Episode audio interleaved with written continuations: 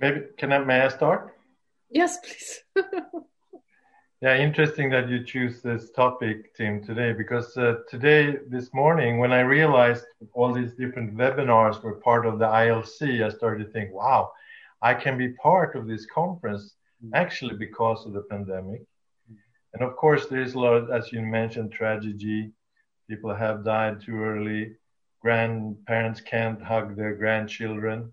But I think, I think that the the uh, heaven has provided like a chance for for an enormous leap uh, through this. We can like next Friday we're gonna I'm gonna have champion in my living room. I'm gonna participate. Also working home for me. I'm working home a few days a week. It, it increases the, the quality of life immensely. Uh, I can take a one and a half hour sun bathing break, catch some rays in the middle of the day. I'm going to watch some of the seminars Thursday while I'm working. Um, so I think this is the beginning of the golden age. Yeah. So I think heaven is making us take an incredible leap. Yeah. Uh, of course, there is some pain involved, but and like I think for sure work will in some businesses of course some businesses you have to go to work but some businesses will never go back to the same. So people will keep working at home two three days a week less traffic in the city fixing the environment. This incredible improvement i think in life quality. So uh, that's my i just had that feeling this morning a couple hours ago and then your your theme here was interesting. Thank you. Interesting. You you had many points there. I could have included those in my talk. the golden age. yeah, um, for me, for what is concerned my job, uh, from when I started this, it didn't influence anything. I just been to work every every day like normal. Uh, I don't see any difference for what is concerned my my my work. Uh, so that's my situation and uh, yeah, I I don't have a vaccine, I don't have mask, but uh, uh, I work and uh, I keep distance, but uh, yeah, I try not to be overwhelmed by the situation, but I can see it exists. That's it. I hope, like he said, Mikael is going to finish, and uh, you know, but one little uh, yeah, something taken about all this situation, but I, am not deep enough to in the research to say more than that. For what it concerns my job, it didn't. and I meet my friends. Uh, sometimes we go to drink a cup of coffee or something together. I don't need coffee, but they do. uh, yeah, that's me and Johnny. Yeah, we are not coming to Stockholm. Okay, there's a big miss point, you know, we are not travel. Maybe it's not possible to go to Italy, it's too much with all this uh, uh, limited, you know, all the things that you need to do to go to another country, you know. I heard in Italy, for example, here in Sweden, we can travel from here to northern, south Sweden, everything, but in Italy, you can just travel to one um, for example, from here to from Uppsala to Stockholm, no more.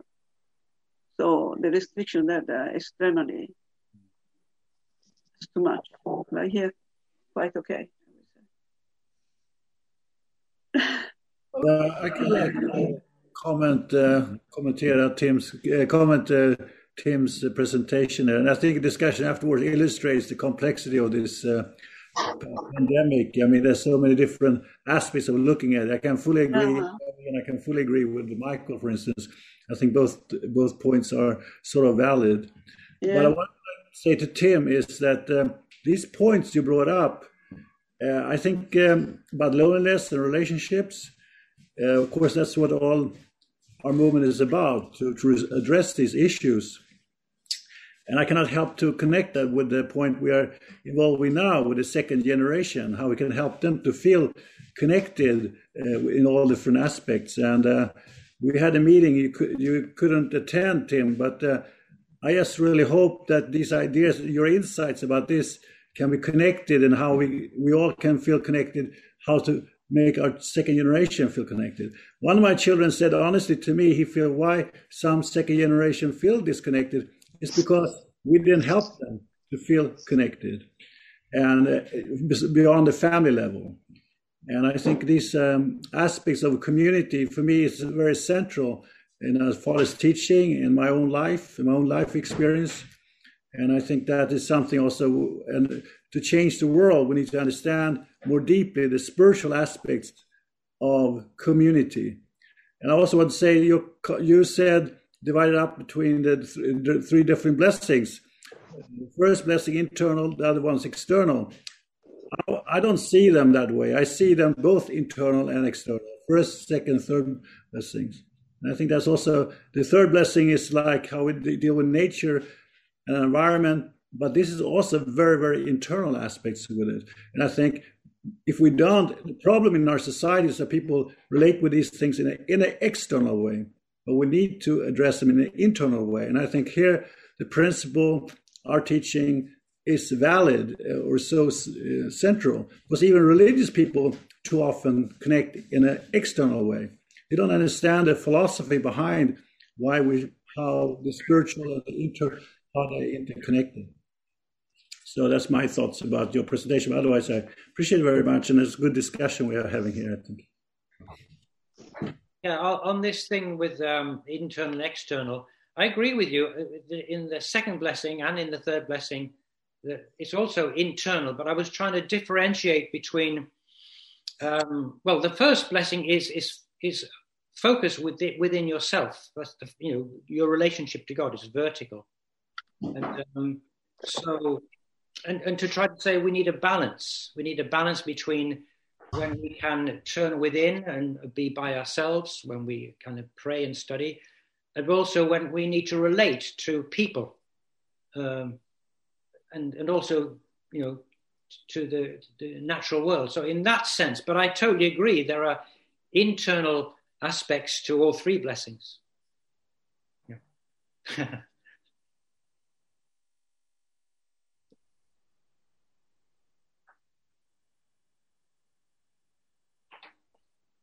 so, I, I mean, th- those questions, um, also for me, it hasn't affected me so much this pandemic, but um, as you said, uh, Lawrence, it's it's co- complex because there are many different situations, but uh, but I think what um, this pandemic uh, has, has led to is a lot of fear, and then people afraid to get too close to each other, which is is not the way we're created. So, and um, I was thinking, Mary Helene, when you said, "Is this is this fictitious or not?" So I have a theory. I have a theory about the pandemic. I think the pandemic is real, but um, you know, some people, most people, it doesn't affect them much at all. So a very false minority will die from it. But um, this is my theory: is that you, you know, um, thoughts become things, right? Thoughts. So we, we, we, we talk about the um, law of attraction and that, uh, that um, the kind of thoughts you have create your reality. So I, I think that um, there's a lot of negative energy in the world, and that neg- negative energy can manifest uh, materially. So I have a theory that that uh, the, pandemic, this virus, I mean, I think it was created in a lab anyway in China, and uh, but um, you know, evil intentions and uh, but but but I think that um, the mind, you know, we, we can, we talk about peace starts with me. Yeah. So if we become people of peace and of harmony and of love, and we expand that, it changes the energy of the world. And in the same way, negative stuff, conflict, anger, rage, uh, leads to physical manifestation. So I, I think um, this, pan- this uh, virus is a result originally of negative energy manifesting. That's just my theory. Maybe I'm completely wrong. Thing is, it's Det finns ett svenskt ordspråk, säger man så? De är som svenska här.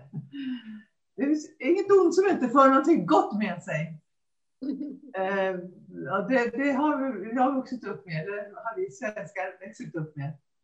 Att eh, det onda kan alltid föra något gott med sig om man vill det, om man vill se möjligheterna i det hela så att säga. Att vi samtidigt stannar upp och tänker efter hur vi lever på ett sätt och tar hand om vår egen hälsa och hjälper varandra med det. Det finns oerhört mycket som man kan hitta på internet också, att verkligen hjälpa sig själv, egen hälsa och sprida också med andra så att säga. Det finns många andra saker också, så att det, eh, det finns ingenting ont som inte för något gott med sig. Jag hoppas att du tänker så och handlar därefter också. Ja, ja men det, det är en viktig synpunkt. Ganska, ja. Eh, ska, vi, ska, vi, sluta med de, de slutorden? Jag tyckte jag, vi slutar på en positiv not här. Eh, eller är det någon mer som har någonting att tillägga? Något som, någon som inte har sagt något som vill säga? Eller räcker det för idag? Men det är bra, vi har olika synpunkter. Vi behöver inte vara överens hela tiden. Det blir, det blir roligare så. En del, en del av oss är mesproppar och andra är mer fiercy. Det är bara så. Det är no, inte negativt, Ingmar. Nej, nej, nej. Det är, det är inte negativt att ha olika synpunkter. Det är jättebra. Det, vi behöver det. Högt i tak. Mm. Ja. Men är det någon, mer, någon annan som vill säga någonting nu? Något tillägga? Ja, jag skulle vilja säga någonting, men Eh, jag är ju singel så att säga och bor ensam mellan fyra väggar och jag har varit totalt isolerad här i ungefär ett och ett halvt år. Eh, och det är klart att det har haft sin effekt på mig. Och det är klart att en gudstro har ju hjälpt, men man har också den där fysiska, praktiska sidan att man kan känna sig ensam när man inte kan ha socialt eh, umgänge med andra människor. Det är därför jag har gjort det jag har kunnat då, att försöka ha att vi ska träffas och äta tillsammans, använda vår lokal och göra någonting tillsammans. Jag har försökt göra någonting av det eh, och vi kan alla göra det, men att vi skulle ehm, eh, just det här att, att eh, om vi bara har en gudstro så känner vi oss inte ensam. Det är inte riktigt sant. För vi har både den fysiska sidan och den andliga. Och den fysiska sidan har ju tagit stryk nu på grund av denna pandemi, andemi, eller vad heter det, den här coronaproblemet som har gjort att vi har blivit separerade fysiskt. Men vi kan göra, vi får ju faktiskt träffas åtta personer tillsammans. Så därför så tog jag det här initiativet att vi kunde äta tillsammans eh, och vara där eftersom jag inte kan bjuda hem till min lilla fyrkant så att säga. Så jag tycker att eh, vi har ju den möjligheten i alla fall. Och jag har försökt ta vara på den. Men sen att eh, när man inte har någon familj heller, då, då, då är det tyvärr så att eh, ensamheten finns där och man kan känna sig väldigt isolerad och så. Det, det, det är ofrånkomligt.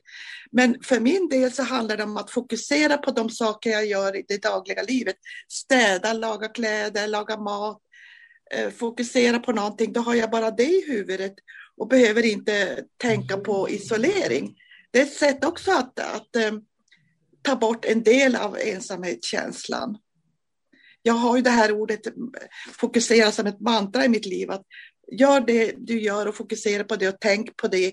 Och så sen den stunden så behöver du inte oroa dig för ensamheten eller vad du ska göra. Det, det, är ett sätt, det är ett praktiskt sätt att försöka lösa det här problemet stundvis. Mm. Det var ett jättebra initiativ, Bodil. Att du lagade mat och bjöd oss några här på, på lunch uppe i vår lokal. Ja, kan... alla kan ju göra det. Alla kan vi göra det. Vi behöver inte bara bjuda hem till vårt hem. Vi kan använda vår lokal. Det står öppen där. Mm. Och för mig har det varit bra att kunna ha den tillgången. Ja. Ja, tack så jag, mycket Bodil. Jag tycker ju också, det måste jag fylla på Bodil lite. Ja. Det här, vi har ju liksom träffats och läst, läst eh, mors eh, ehm, självbiografi eh, två, tre gånger i veckan som vi inte skulle ha gjort annars Bodil. Så jag har ju träffat dig mer det här året än någonsin. Ja, absolut. Och det uppskattar jag. Men vi har lärt oss också hur mycket vi behöver varandra som vi tog för självklart när vi kunde träffas så där. Då hade vi inte någon tanke på att vi kunde vara ensamma eller så. Men nu kan det här bli fokuserat. Att vi är ensamma, isolerade och att vi verkligen behöver varandra. Det är en upptäckt som vi inte har haft i första tanken tidigare innan den här pandemin bröt ut. Nu har vi insett verkligen behovet av varandra och hur viktiga vi är för varandra. Och av det kan vi gå vidare då när det här löser upp sig. Att vi verkligen uppskattar varandra mer än vi gjorde tidigare. Vi tog varandra för självklart. Eller jag hade inte ens i tanken hur det är att vara ensam eller utan socialt liv utanför vårt hem och våra fyra väggar.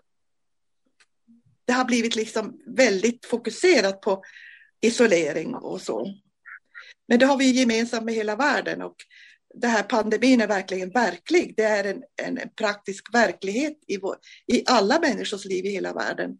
Och det som har gjort mig väldigt eh, eh, oroad är alla pensionärer som är ensamma på gatorna och inte har ett tak över huvudet. Så jag tog initiativet igår och kontaktade Socialdemokraterna och sa att man, nu har vi en massa ensamma tomma lokaler på alla sådana här servicehus. Varför fylla inte de, kan fylla de rummen med alla hemlösa och lösa pensionärernas hemlöshet? Det är en grej. Bara. Och vad ska vi göra? Detta är en skam för Sverige. Att människor... Alltså det är en del av problemet i den här pandemin. Mm. Ja. ja, men det är bra initiativ Bodil. Mm. Tack.